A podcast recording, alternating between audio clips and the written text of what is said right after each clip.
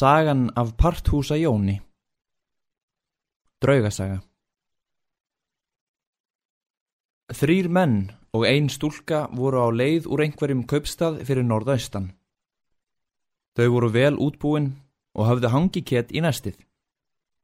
Þau höfðu og meðferðis áttapotta kút af brennivíni. Þau áttu leið yfir heiði eina, veður var ískikilegt þegar þau lögðu upp á hana. Þegar þau voru komin upp á háheiði skall á þau blind ösku hríð. Þau gengu lengi og harnaði hríðin ávalt meira og meira. Að lokum gafst stúlkan upp. Byggu þeir félagar um hana í fönn, skildu eftir hjá henni hangikettið og brennivínið og brutust svo til byggða. Þeir komust til bæja seint um kvöld, var þá svo af þeim dreyið að ekki gáttu þeir synd stúlkunni en það hefðu þeir eflust ekki fundið þannig fyrir náttmyrkri og hríð þóttir hefðu lagt af stað. Um miðdegi daginn eftir stitti hríðina upp. Þeir félagar heldu nú af stað að leita stúlkunar. Þeir hafðu með sér stafi eins og þeim er tíkt sem ferðast á veturna. Þegar þeir voru nær því komnir þangað er þeir hugðu að stúlkan ætti að vera, heyrðu þeir afskaplega ljótt hljóð. Þeir eruðu skelkaðir en heldu samt áfram. Þeir heyra nú hvert hljóðið eftir annað. Voru þau svo ofsalega og trillt að þeir gáttu ekki jafna þeim við neitt sem þeir þekktu. Skömmu setna sjá þeir ófresku eina.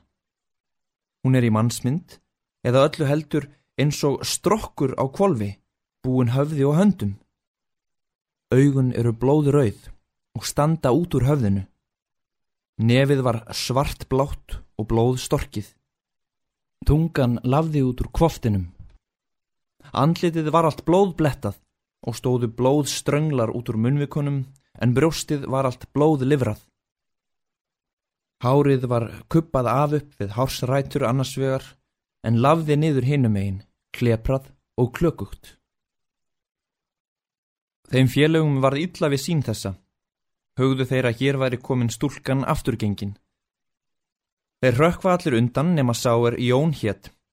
Hann gekk að ófreskunni og lagði hana í gegn með staf sínum. Hún rak upp skadræðis öskur og hnýja út af. Það var eins og þeir félagar höfðu haldið. Þetta var stúlkan. Hún hafði rankað við um nóttina, etið hangi héttið og drukkið allt brennivinnið í einhverju örvæntingu. Af því búinu hafði hún stokkið á fætur, óð af ótta og víni, en hún hafði ekki komist langt, því að pilsin hafði þegar frosið utanum hana og heft förennar. Þannig var stúlkan á sig komin þegar þeir félagar hittu hana og Jón hafði drepið hana. Verk Jóns mælti stíla fyrir, en þó konniðust menn við það að honum væri vorkun þar sem hann hefði unnið víið óviljandi. Eftir þetta fór Jón aldrei einn yfir heiðina sem óhappa atbyrðurinn hafði gerst á. Þorður hétt vinur Jóns, hann bjó fyrir handan heiðina. Einu sinni fór Jón að hitan. Það var um há vetur. Jón hafði fyldarmann eins og hann var vanur og þeir komast klakklust til Þorðar. Jón er nokkurt tíma hjá honum en þegar þeir skilja segir Þorður að sér segi svo hugur um að hann sé feigur byður hann hann að fara eigi einan saman yfir heiðina. Jón segist nú hafa ásett sér það, en ekki megi sköpum renna. Hveðjast þeir nú? Þeir hafa nátt stað á bæ undir heiðinni. Um morgunin er fyldarmadur Jóns sjúkur. Jón býður eftir honum um daginn, ekki er honum batnað næsta morgun.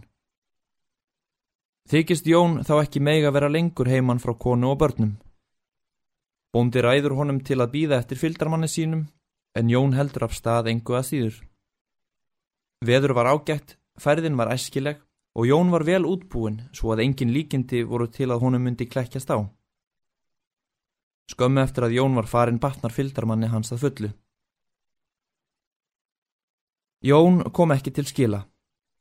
Það var farið að leita að honum og fannst hann þá tættur sundur ögn fyrir ögn þar sem hann drap stúlkuna.